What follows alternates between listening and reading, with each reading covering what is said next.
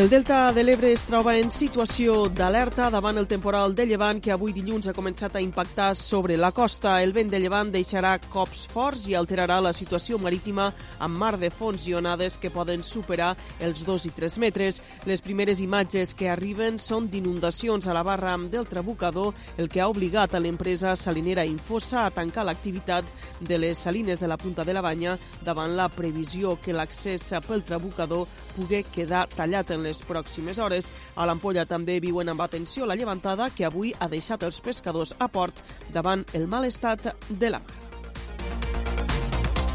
Preocupació per l'increment del preu del carburant entre la pagesia i el sector pesquer, ja que les últimes setmanes el gasoil agrícola ha doblat el seu preu.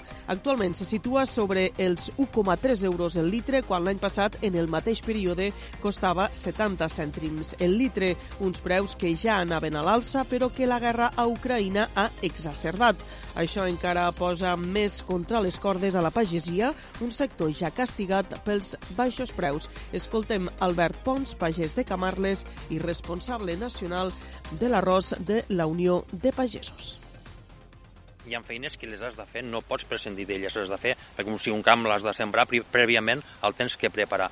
Per tant, el dia a dia és el mateix, però realment eh, comences a, arribes a la nit i mires el que, el que gastaves l'any passat i el que gastes ara i dius que això s'està fent insostenible.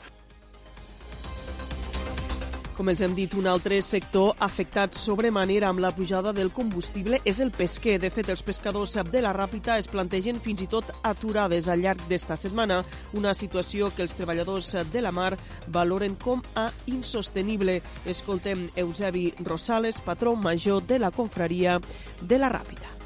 És insostenible. Vas a pescar simplement pel gasoil. I la barca que farà 8.000 litres de de preparar 10.000 euros. I, i esta barca a lo millor agarrant-ho bé ne fa 15.000 a la setmana. Vull dir, pràcticament, llavors se lleva la meitat per l'amo i l'altra per comptar, pràcticament se n'aniran en tota la setmana treballant, lo millor te'n vas en 50 o en 40 euros a casa, o, o 100 euros, això és, vull dir, el temps que vivim, tota la setmana treballant a la mar 14 hores o 15 hores per a que arribes a casa en les mans de la butxaca.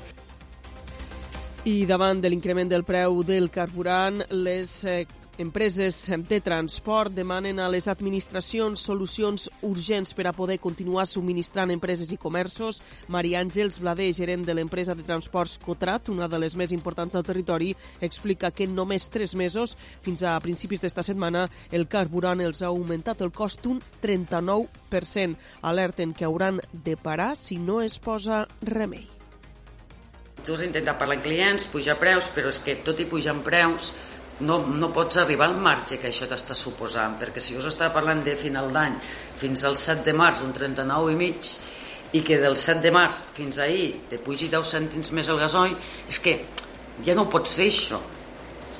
No tens opció. Tu el que no pots ser és que facis un viatge i que hagués de ficar de la teva butxaca. O sigui, que busquin una solució, que, que, que el bonifiquin, però, no sé, però alguna han de fer.